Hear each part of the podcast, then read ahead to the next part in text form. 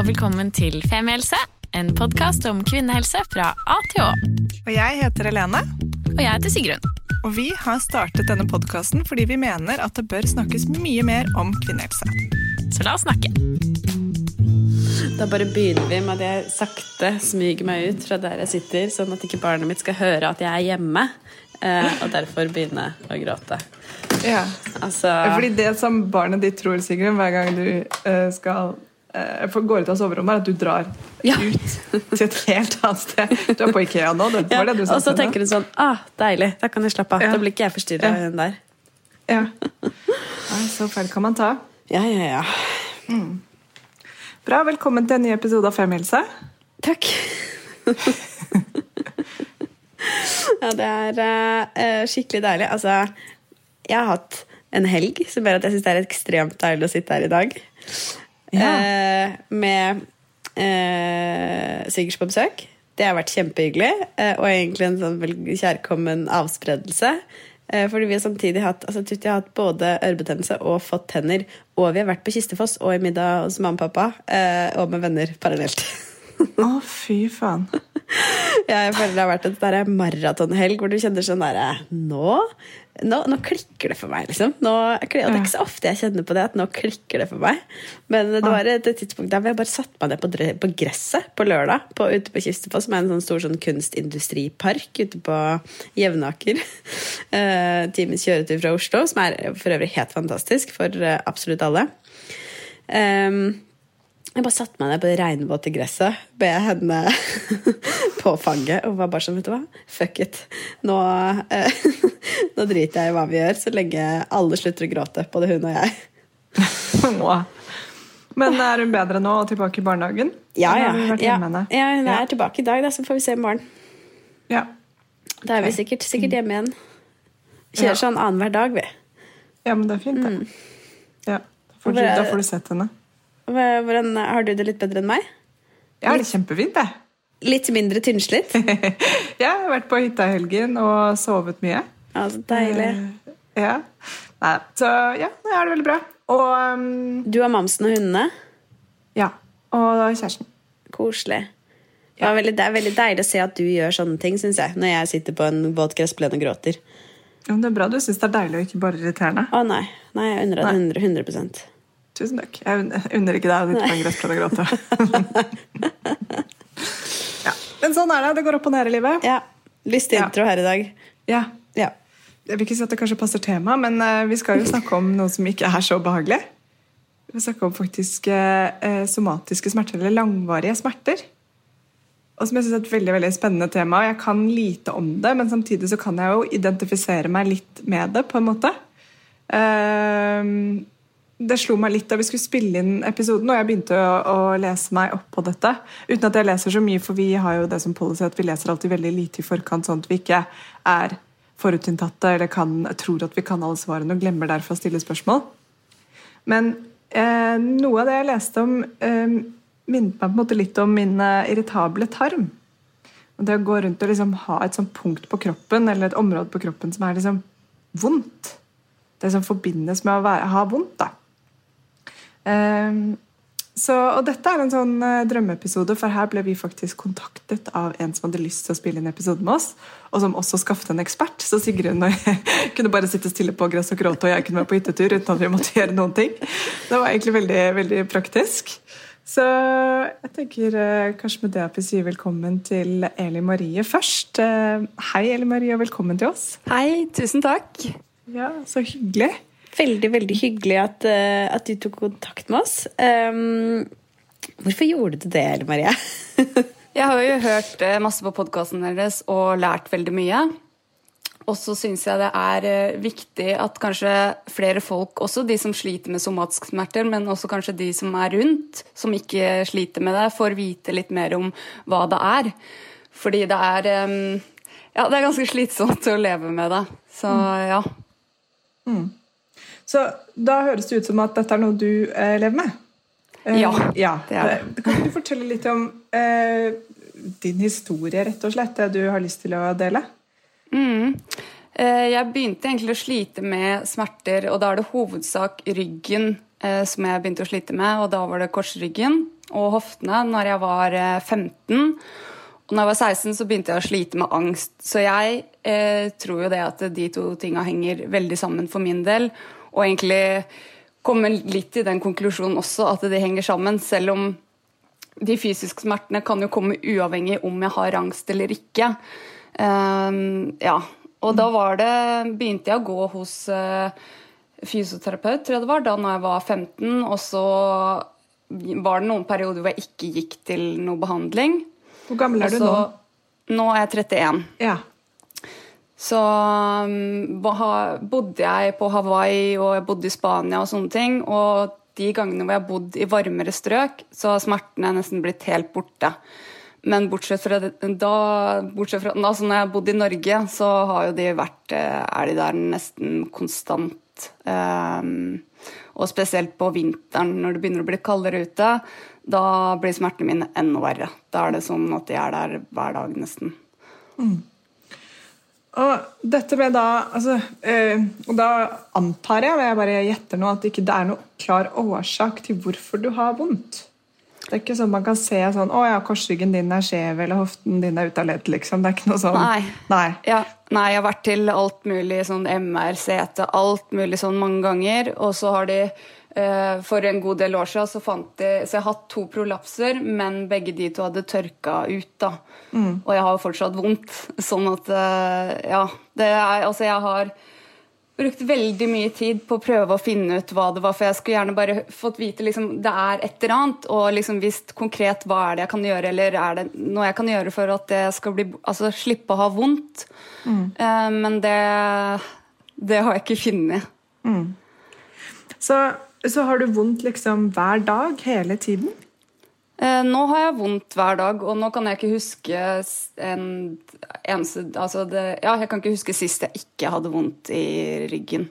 Eh, så nå ja, så nå har jeg hatt det veldig lenge konstant. Og det er ikke sånn at jeg har vondt hele tida.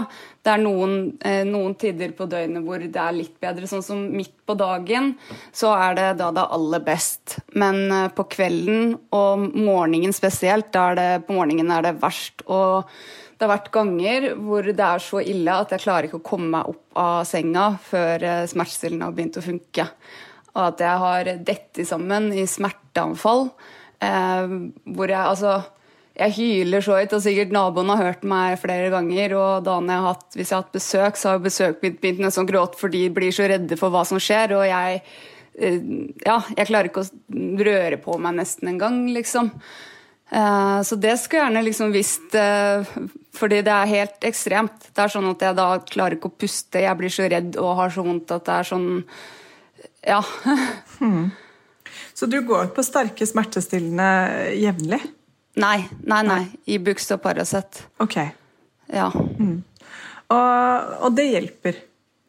Eh, det tar ikke vekk når det er sånn eh, heftige smerter.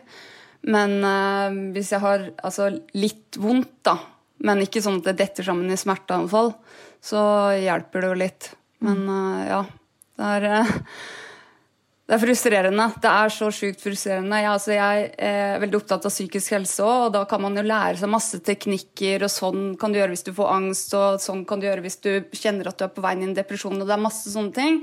Men det med fysisk smerte, mine fysiske smerter, det Ja, det, det er liksom Har jeg vondt, og den har satt seg, så er det liksom Jeg veit ikke hva jeg kan gjøre, og så er det en ond sirkel, fordi hvis jeg har vondt, spesielt da i korsryggen, så er det liksom eneste som kan føles litt greit, er å ligge. Men hvis jeg ligger da, så blir jo bare smerten verre, ikke sant. Så det er eh, eh vanskelig. Og da spesielt når folk sier eh, bare tren, gå masse tur. Det er ikke så lett når jeg syns det er vanskelig å komme meg fra kjøkkenet til senga. på en måte. Mm. Og kan ha så vondt at jeg ikke klarer å sitte ordentlig på doen engang, for jeg kan ikke få press i korsryggen. Så det er eh, veldig frustrerende. Men uh, du sa jo innledningsvis at uh, du tenkte at det hadde en sammenheng med angsten. Hvorfor mm. tror du det? Uh, fordi de kom ca. samtidig. Og for meg så hadde jeg angst lenge før jeg visste at det var angst. Og så da har angsten satt seg så veldig, selv om nå så kan jeg veldig mange teknikker og forstår angst veldig godt, liksom hva som skjer i kroppen og alt det der. Men den, jeg har slitt med det så mange år at jeg på en måte hele tida er på vakt. da. Mm. Eh, så jeg er liksom hele tida beredt på å løpe unna eller liksom at noe skal skje. Sånn at kroppen min på en måte klarer ikke å slappe av, og da setter det seg jo som spenninger. Så mm, det hjelper litt når jeg da mediterer eller fokuserer på å eh, gjøre avspenning, men jeg kan jo ikke drive, av, drive, med avspenning hele døgnet, for da får jeg ikke gjort noe annet. på en måte. Mm. Hva var det du, så Før du skjønte at du hadde angst, hva var det du trodde du opplevde da? Eh, nei, det veit jeg ikke, altså. Jeg visste ikke engang at det var noe som het angst. Nei, det var liksom ingen snakk om syk helse eller noe sånn eh, før jeg var i ja, 20-åra. Da fikk jeg vite første gang at det, at det, er noe som heter angst. Det er noe som heter depresjon. Mm. Men eh, ja, det betegna det egentlig bare som eh, veldig uro og tankekjør. Og hele tida redd for å si noe galt, gjøre noe galt, eh, bli oppfatta feil. Alle sånne ting, da. Mm. Skjønner. Så Eh, og nå eh, du, får du noen form for behandling for, for denne, eh, disse smertene? Jeg får jo behandling av Martine, ja. fysioterapeuten min. Mm. Så det hjelper jo det, men jeg skulle jo gjerne hatt behandling hver dag. men det er jo litt vanskelig. Jeg tror det egentlig også er en veldig fin intro til at vi har en fjerde, fjerde person på linje her, som er Martine Lie. Velkommen til oss. Hei, tusen takk. Så hyggelig å få tilbudet. Ja, Det var veldig veldig fint at du kunne komme. Jeg elsker eh, eksperter som blir eh, servert oss, og som vi blir eh, superinteressert i å få på besøk. Og eh, Historien her til Eli Marie høres jo dessverre ikke veldig unik ut. Jeg, det ringer jo en eller annen bjelle hos meg når jeg hører det med å ha langvarige smerter som man liksom ikke helt finner ut av. Det, det føles jo ganske menneskelig på en måte. Og så er det jo heldigvis og dessverre for eh, Marie, da. Altså, de aller fleste har det jo ikke så voldsomt. Men kan du forklare litt om hva, hva, måte, hva dette er? Vet vi hva det er? Eh, ja, vi vet, eh, vi vet, en del. Og så er det mye som vi ikke vet. Mm. Det er litt sånn som Ellie Marie sier, at eh, kanskje vanskelig å finne en tydelig, tydelig årsak, men man tror at noe henger sammen. Det er litt sånn det er med langvarige smerter.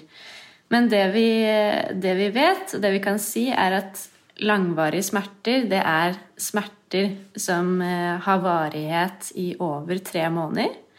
Eh, det er dette som vi har kalt kroniske smerter før.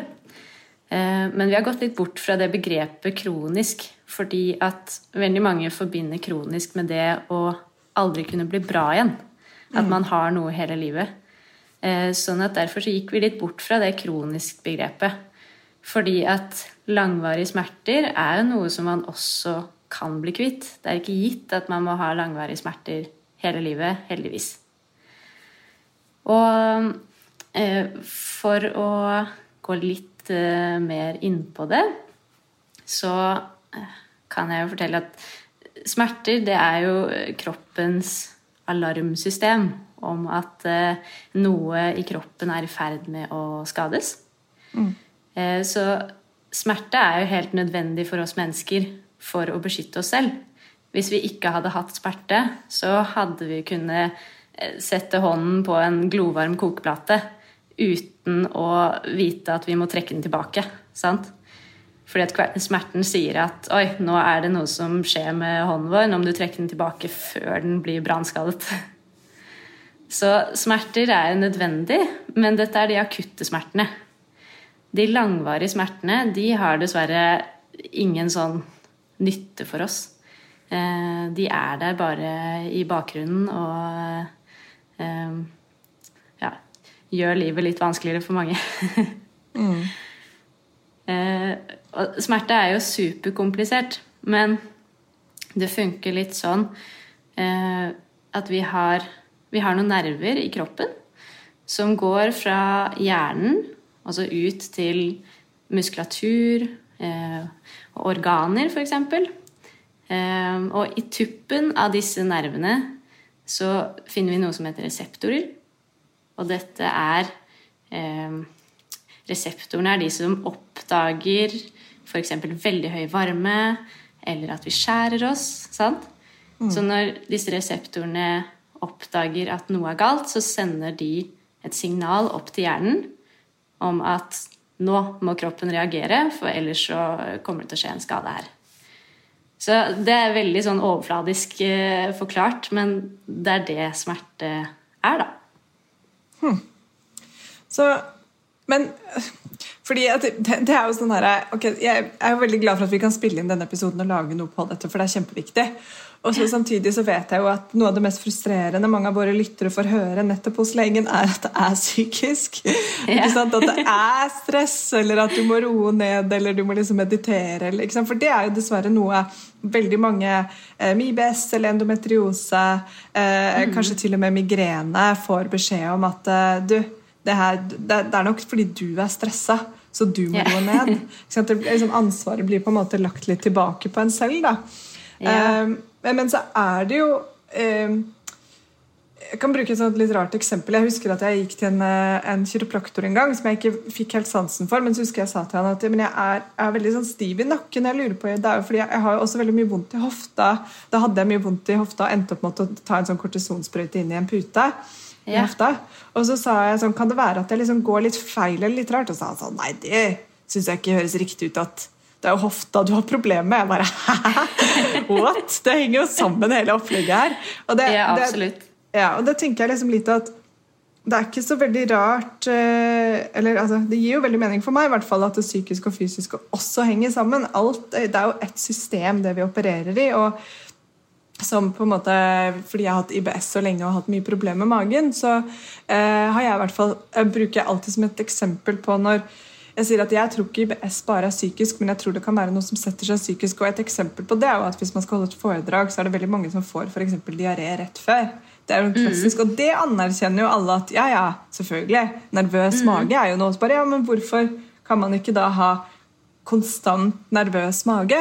Og hva kan man da gjøre for å jobbe med det, selv om man egentlig ikke er nervøs? Og det tenker jeg litt sånn Kan man ha konstant liksom, nervøs korsrygg?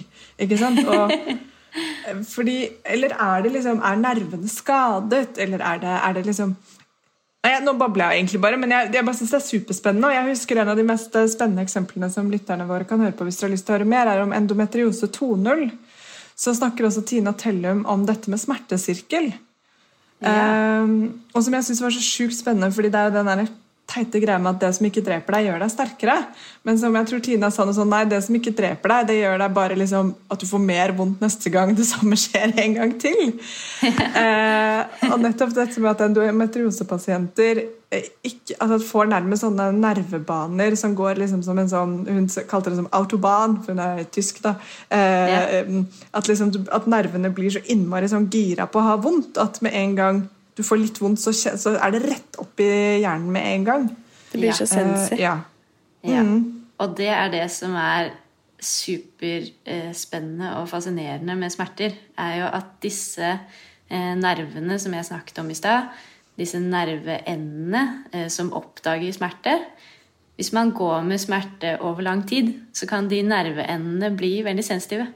Mm. Sånn at når eh, den skaden som opprinnelig ga deg smerte, egentlig er tilhellet, så kan de nervene fortsette å sende signal opp til hjernen om at her er det noe smertefullt, selv om skaden faktisk er eh, borte. Mm. Det er det som er eh, kjempe, kjempevanskelig, men også kjempespennende innen smerte. Da. At mm. eh, kroppen kan eh, fungere på den måten. Kan jeg skyte inn en ting? Mm. Ja, sånn som Martin sier, og hun har sagt Alle behandlerne jeg har gått til, har sagt det. Eh, husker det var én som sa det til meg hver gang nesten jeg var der, og da ble jeg litt lei. Men det at eh, Ja, at um, at man blir veldig overfokusert, liksom sånn tenker at Eller husker at man har hatt vondt, og da blir det mer vondt, på en måte. Men det er ikke så lett å på en måte slutte å tenke når jeg kjenner Altså, jeg tenker ikke sånn og nå kanskje jeg har vondt i ryggen, og så kjenner jeg vondt i ryggen. Det er sånn jeg får vondt i ryggen, og da begynner jeg å tenke på det. Mm. Eh, sånn at det, Og da er det litt vanskelig å stoppe å tenke på det da når Så jeg skjønner det på en måte, fordi at da hvis jeg hele tida skal passe på at jeg kan ikke gjøre sånn eller sånn, fordi da kan jeg få vondt, så vil jo det trigge liksom at det kanskje blir mer vondt.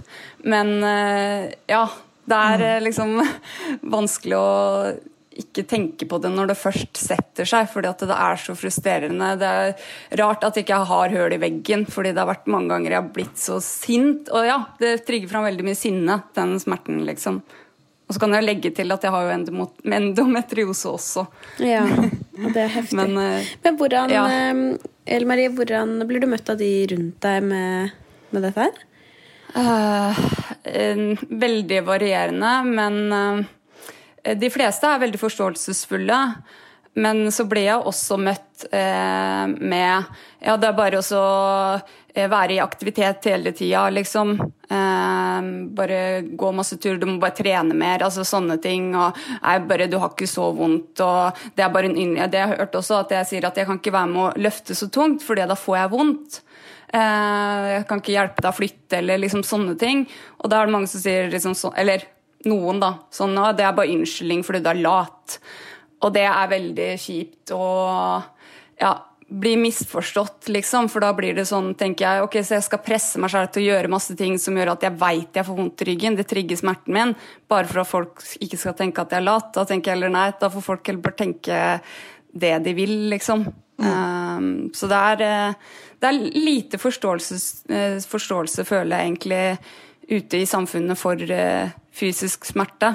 Fordi det blir litt samme som psykisk, for det er ingen som kan se at ryggen min har vondt. Jeg føler smerten, men det er ingen som kan se det, på en måte. Mm. Akkurat som med angst. Noen kan se når jeg får angst, at jeg blir eh, veldig Altså ja, eh, du kan se at jeg skjelver og stammer og liksom sånne ting, men det er ingen som kan føle det som er på innsida, hvor heftig det er, liksom. Mm. Så, og så er det jo sånn når det henger sammen somatisk, da, så henger det jo sammen med psyken.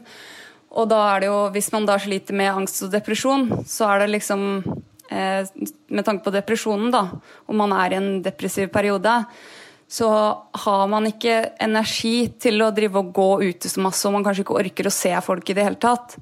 Og da blir man liggende, og da igjen trigger det smerten, som igjen trigger depresjonen. Så det er liksom en sånn eh, vond sirkel, da, som er liksom Man veit ikke hvor man skal starte. Men eh, er det én ting eh, jeg skulle ønske av de tinga, tinga, jeg sliter med, som jeg skulle ønske hvis en, noen kunne fjerne den ene tingen, så hadde det vært det fysiske. For det er eh, Det er nesten hele tida, og det er liksom Ja, det er så jævlig når det er på de toppene, liksom. Ja. Men Martine, hva er det noe man kan gjøre? Eh, det er det absolutt. Og det er veldig mange som kommer til meg eh, som sier til Ellen Marie at de har fått eh, beskjed om at de må bare komme seg ut og trene. De må utforske naturen, frisk luft, de tingene der. Og yoga, mindfulness. Jo, yoga, mindfulness. Og det fungerer jo for mange. Men det er som regel ikke en standardisert løsning på å behandle langvarige smerter. Så ofte eh, hos meg så pleier vi å sette oss ned eh, altså Når jeg får inn en ny pasient med langvarig smerte, så pleier vi å sette oss ned og så eh, kartlegger vi eh, litt verdier og sånn i livet først. Og så ser jeg litt på hvor setter man inn energien i hverdagen. Setter man inn energi på riktige verdier? Mm. Det har litt med eh, å sette energien inn på hva som er meningsfylt i livet. Ehm, og ikke bruke energi på ting som kanskje ikke er så viktig. Det pleier å hjelpe for en del. Og så jobber vi selvfølgelig med aktivitet og avspenning. Og da er det litt viktig at man finner noe som er lystbetont. Det er kanskje det viktigste. Eh, at man finner en aktivitet som man syns er gøy, og som man syns man mestrer. Så man får litt ut av det. Eh, fordi at det funker ikke for alle å gå tur i skogen. Og det funker ikke for alle å trene styrketrening. Eh, kanskje noen liker å dra på Sognsvann og padle kajakk. Det er en form for aktivitet, det også. Men er det noen Fordi som ikke vet- skal være i aktivitet i det hele tatt? Eh, Det er noen vi bare må bremse også. Det er en del med langvarig smerte som er kjempeaktive. Sant? Så det kommer helt an på eh, hvilken person du møter.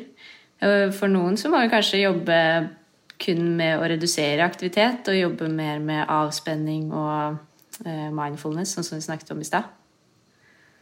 Men vi vet jo også at eh, aktivitet produserer endorfiner, som er kroppens egenproduserte smertestillende.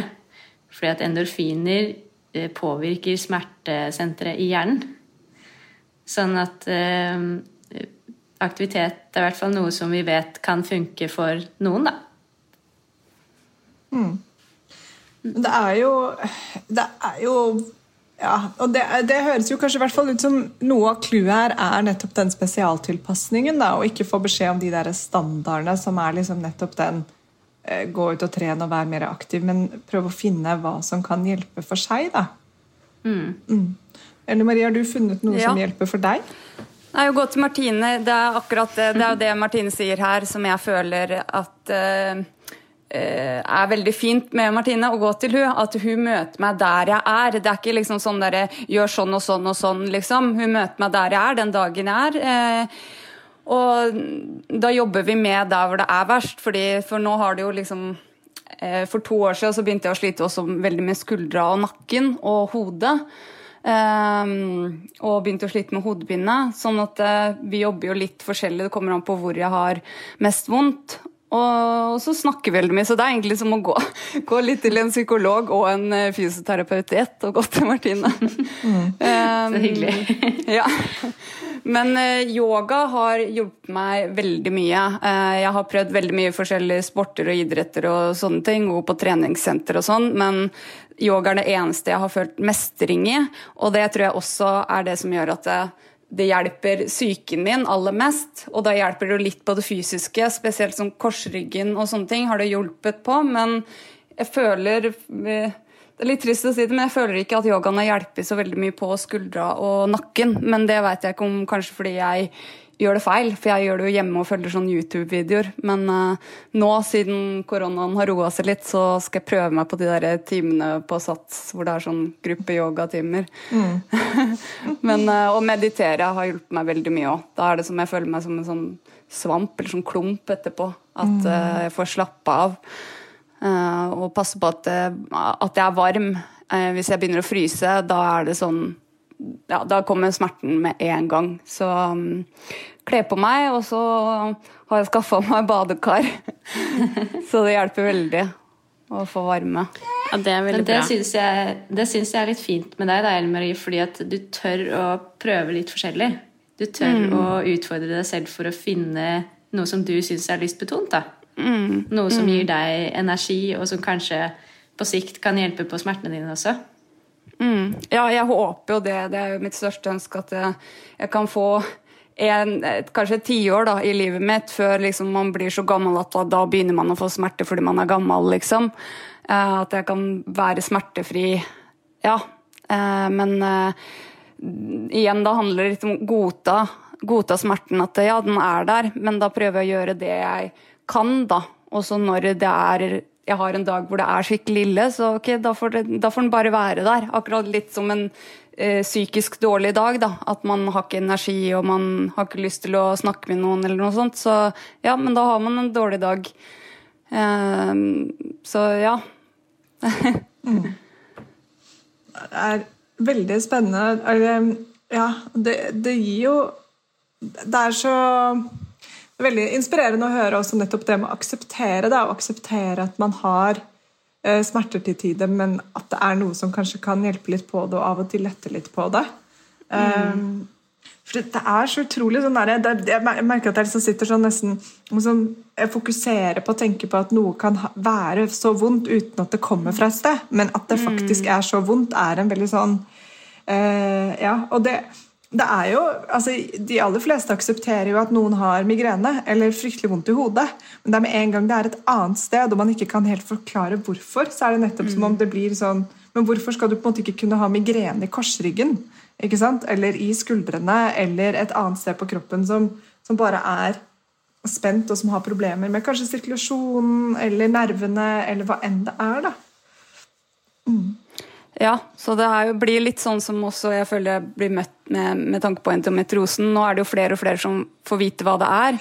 Men, eh, men det er fortsatt veldig få som veit hva det er. Og før jeg fikk vite, for det er jo et år siden eller noe som jeg fikk vite det, og da var det jo sånn jeg ble møtt med ja, men alle har litt mensensmerter.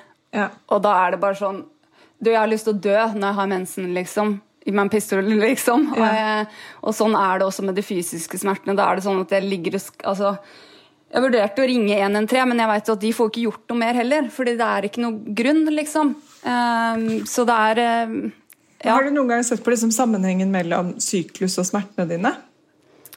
Uh, litt, men jeg føler egentlig de, de kommer helt uavhengig av noen ting. Og så, selv om jeg har på en måte akseptert at ja, det henger sammen med angsten og henger sammen med psyken, eh, så er det fortsatt sånn at selv når jeg har en veldig bra periode psykisk, så kan jeg ha kjempevondt i ryggen. Eh, sånn som nå, den perioden som har vært nå, så har jeg hatt kjempevondt i korsryggen og i skuldra og sånne ting.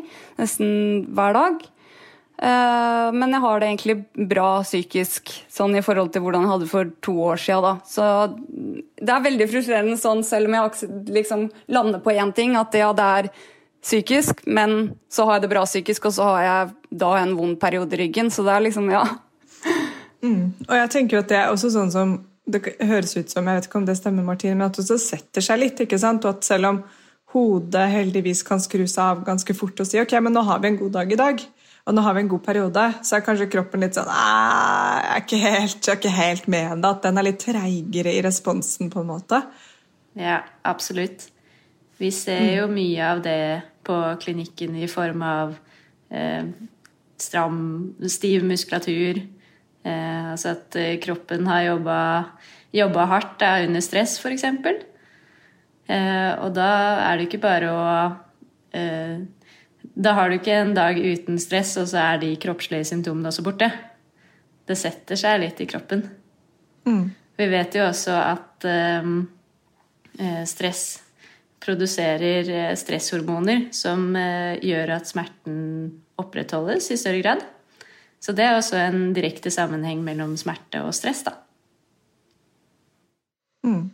Ser dere noe link på liksom eh, Det er jo veldig ofte uutforsket, da, men liksom kosthold og Har det noe å si? Eh, Det er i hvert fall en sammenheng mellom langvarige smerter og overvekt. Eh, Og så vet vi at det er en sammenheng mellom eh, inflammasjon i kroppen og langvarig smerte. Sånn at det kan være en sammenheng der, ja. Ja. Ja, det er mye kan være. Det er jo, Ja. og det er jo også veldig Det er det. liksom, fra, fra person til person igjen, da. Og det gjør det jo også tenker jeg, sånn vanskelig kanskje som helsepersonell også å anbefale. Da. Altså for eksempel om det er et visst kosthold, eller det er eh, Når man ikke vet. Det er kjempevanskelig, og det er derfor vi eh, må kartlegge hver enkelt person før vi gir noe eh, råd, fordi at det fins ikke noe standardiserte råd. Vi vet jo bare at det er en del ting som kan hjelpe, og det reduserer eh, stress. Så vet vi at det hjelper å sove nok. Vi vet at det er eh, eh, sammenheng mellom søvn og smerte. At søvnmangel påvirker smertefølsomheten. Vi vet jo at eh, overvekt kan øke risikoen for eh, smerter i muskel- og skjelettsystemet. Så vi vet en del ting som man kan jobbe, eh, jobbe med da, for å redusere risikoen for langvarig smerte, i hvert fall. Ja, det med søvn det kan jeg være helt enig i, for det er Jeg sliter jo også med søvn, og da kan det være en natt jeg ikke får sove. Og da, på kvelden dagen etterpå, liksom da, så er det, da er det garantert at jeg kommer til å ha så vondt i ryggen at det er helt grusomt. Eh, så søvn er kjempeviktig også for meg. Men mat er jo det også. Men eh, det er jo det som også er frustrerende igjen. At det, sånn, jeg føler at jeg gjør alt riktig. Alt for å ikke ha vondt i ryggen, liksom. Jeg gjør yoga og passer på å få nok søvn og spiser og liksom går tur, ikke, men ikke for mye. Altså alt det greiene der og så fortsatt vondt. Og da blir det liksom sånn øh, Ja. Mm. Og så er det det der når nakke, jeg begynte å slite med nakken. Og jeg har spurt så mange, inkludert Martine, jeg spør alle jeg møter, åssen pute har du? Liksom, jeg, og nå har jeg snart 15-16 forskjellige puter, for jeg prøver å finne en for jeg tenker at det kanskje er puta som gjør at det er vondt i nakken. Eh, så ja, nå har jeg snart brukt opp alle sparepengene mine på å kjøpe pute, så det skulle gjerne liksom bare noen kunne sagt du må bare bruke akkurat den puta, fordi ja. Jeg finner ikke noe pute som eh, hjelper, liksom. Det hadde vært deilig hvis det var en mirakelpute som kunne løse alt. Ja. altså, jeg drar rundt med det kjæresten min kaller handikap-puta. Den tar jeg med på ferier overalt. Det er tempuren. Den må være ja. hvor enn jeg går. Det er jo faen meg overvekt inn på flyet, ikke sant? for den er jo så tung. Men der er jeg, da. Det, nei, det, det, det, er ganske interessant at vi spiller inn denne episoden eh, nå. du vet Noen ganger så får man sånn catch-up-effekt i livet hvor veldig mange ting handler om det samme. Uh, jeg møtte en dame som uh, faktisk kunne jobbe bort på en sånn en sexsjappe borti gata. Jeg mener at alle bra gater i verden har en sexsjappe i gata. Og jeg gikk inn for å studere hva utvalget på Womanizer og dildoer der inne, da. Og så har jeg lært av Nanna Klingenberg, som er vår hussexolog, at man må snakke med de som jobber der, fordi de kan faktisk faget sitt. Og så ble jeg stående og plapre med henne, og så snakket vi femhelse. Og så kom vi inn på urinveisinfeksjon av en eller annen grunn. Og, og, så sier hun vet du hva, jeg var hos legen eh, med datteren min fordi hun hadde noe greier. Og hun løp inn, og jeg løp inn og ut og tisset hele tiden. Og så sa legen du, jeg må bare spørre deg, hvorfor går du på toalett hele tiden? Så sa hun nei, fordi jeg har slitt så mye med urinveisinfeksjon, så jeg må tisse veldig mye. Og så sier legen sånn du har trent opp hjernen din til at hver gang du tror du må tisse litt, så må du løpe og gjøre det fordi du er så redd for å få urinveisinfeksjon. Og hun bare Ja, det er det! Så hun har nå begynt å trene seg på å ikke løpe på toalettet hele tiden. Og holde og trene opp liksom staminaen på å tørre å ikke løpe på toalettet. Og det er så, det er så mange sånne ting som jeg føler at Det er kanskje det moderne samfunnet som med stress og med kosthold og med lite søvn og med arbeidssituasjon og sittestilling og alt det der som vi holder på med hver dag, som gjør at vi kanskje liksom litt i mindre kontakt med noen av de tingene enn I don't know, Jeg vet ikke om det stemmer i det hele tatt, for vi lever jo bedre enn vi noensinne har gjort, og er, mange av oss er friskere enn vi noensinne har vært. Men jeg synes i hvert fall det var en veldig sånn interessant historie som handler om nettopp det med hva vi trener oss opp til, og hvor vanskelig det er å bryte ut av det før noen andre profesjonelle på utsiden sier sånn Ok, du burde prøve akkurat den lille ene endringen her, eller jeg ser at du holder på med akkurat det, kan du prøve noe annet? Fordi det er, eh, ja, det, er noen, det var en lang digresjon, men jeg likevel så føler jeg sånn da, det, Det tok meg å tenke sånn Er det noe jeg holder på med som er sånn? Og det er det jo guaranteed. Jeg har jo sånn, For å nevne det for åttende gang i denne episoden, denne i besten, da. Men jeg tenker jo veldig ofte på det når jeg har spist noe. Så tenker jeg sånn Nå kommer jeg til å bli dårlig. Og da blir jeg dårlig. Mm. Ja, jeg kjenner meg veldig igjen i hun dama som må tisse hele tida, fordi det er akkurat samme problem har jeg òg. Mm. Eh, jeg tenker alltid, og det var før, så tenkte jeg ikke over det engang at jeg tenkte sånn, men da tenkte jeg alltid at Fordi jeg må tisse veldig ofte. Men det er jo også sånn venninna mi som er sjukepleier men kanskje du har lært blæra di at du hele tida må gå og tisse, og da må du tisse mer, liksom. Eller mm. oftere. Mm. Så nå prøver jeg å liksom holde meg og ikke drive og løpe på do. Men jeg har også hatt mye urinveisinfeksjon, så jeg tenker sånn Jeg vil ikke få det igjen. men da med Ja. Og da, så nå er jeg der eh, i en periode nå hvor eh, jeg kommer sikkert til å være en stund, at jeg driver og øver meg på å ikke løpe på do hele tida, og at jeg ikke trenger ikke å tenke på hver eneste gang før jeg skal gjøre noe eller gå ut døra, så må ikke jeg tenke nå må jeg gå på do, liksom, for nå kan det hende en halvtime til jeg kan komme på do igjen. Men, ikke eh, sant? Ja. Her, her, har vi det! Dette, dette er det jeg mener Hvor sjukt, det er ikke dette. Og det er, ja, nei, og da, helt tilfeldig, så fikk jeg også opp en sånn Instagram-annonse fra en app som heter Nerva, som jeg bare prøvde prøvd en liten uke nå, som er sånn hypnoterapi mot IBS. Eh, hvor jeg skal ligge og høre på, og det er om det funker, det, bryr, det, er ikke så viktig, for den hypnoterapien er så digg. Det er sånn 20 minutters gratis meditasjon inn i øret. Typ, da. Så det er sånn, De teller ned, og så ligger jeg der. og så Den ene er for at jeg skal se for meg at magen min er, og at tarmen er på en måte en elv. Og så skal jeg bare se for meg at det renner helt klart og fint fra liksom hodet og ned gjennom hele kroppen. Og så kan jeg rydde bort litt sånn stener og grus som gjør at det skaper ubehag og er litt vondt og ubehagelig der nede. Og bare se for meg at det bare renner helt klart. Og, så jeg, altså, og det er liksom sånn, det er jo, vet jeg søren om det kommer til å funke eller ikke, men ifølge appens liksom sånn credentials, for de er jo selvfølgelig sånn der Harvard-stamp og sånne ting, ikke sant? Og så er det en eller annen sånn Dr. Phil-type som sier at det er sånn 89 sjans, eller 89% av de som bruker appen i seks uker, sier at de får en forbedret eh, Altså får mindre IBS-symptomer, da. Det er kjempespennende. Ja. Ja. Jeg har brukt da, sånn, akkurat sånn der bare på fysisk smerter. da. Ja. Nå, eh, og da er det jo sånn Ja, hypnoterapi. Mm. Og da har jeg følt eh, Noen ganger så har det hjulpet litt, men andre ganger så er det bare sånn at jeg, jeg klarer ikke å bli hypnotisert fordi at smerten er så ille, liksom. Mm. Men det faktisk hjelper litt når de sier sånn pust inn der hvor smerten er, liksom. Og så prøver jeg liksom å tenke at nå skal jeg trekke inn lufta sånn inn i skulderen, på en måte. Det er litt rart å forklare, men eh, det hjelper litt, faktisk. Eh, så jeg håper at det der eh, du driver tester ut, at det vil hjelpe. For det var, bare, det var nesten for meg så uh, for, for, På meg på lik linje litt med dine smerter, så har jeg aldri liksom slått ut på noe. Jeg er ikke allergisk mot noe, jeg er ikke intolerant mot noe. Jeg, så kanskje litt sopp, men ok, jeg orker ikke en candidadiett, det er vel egentlig, og det funker, det funker det ikke, I don't know. Ikke sant? Det er så mye sånn derre ja, så, Og da er det plutselig bare sånn hm, Men dette er jo noe jeg kan få til å gjøre selv hjemme.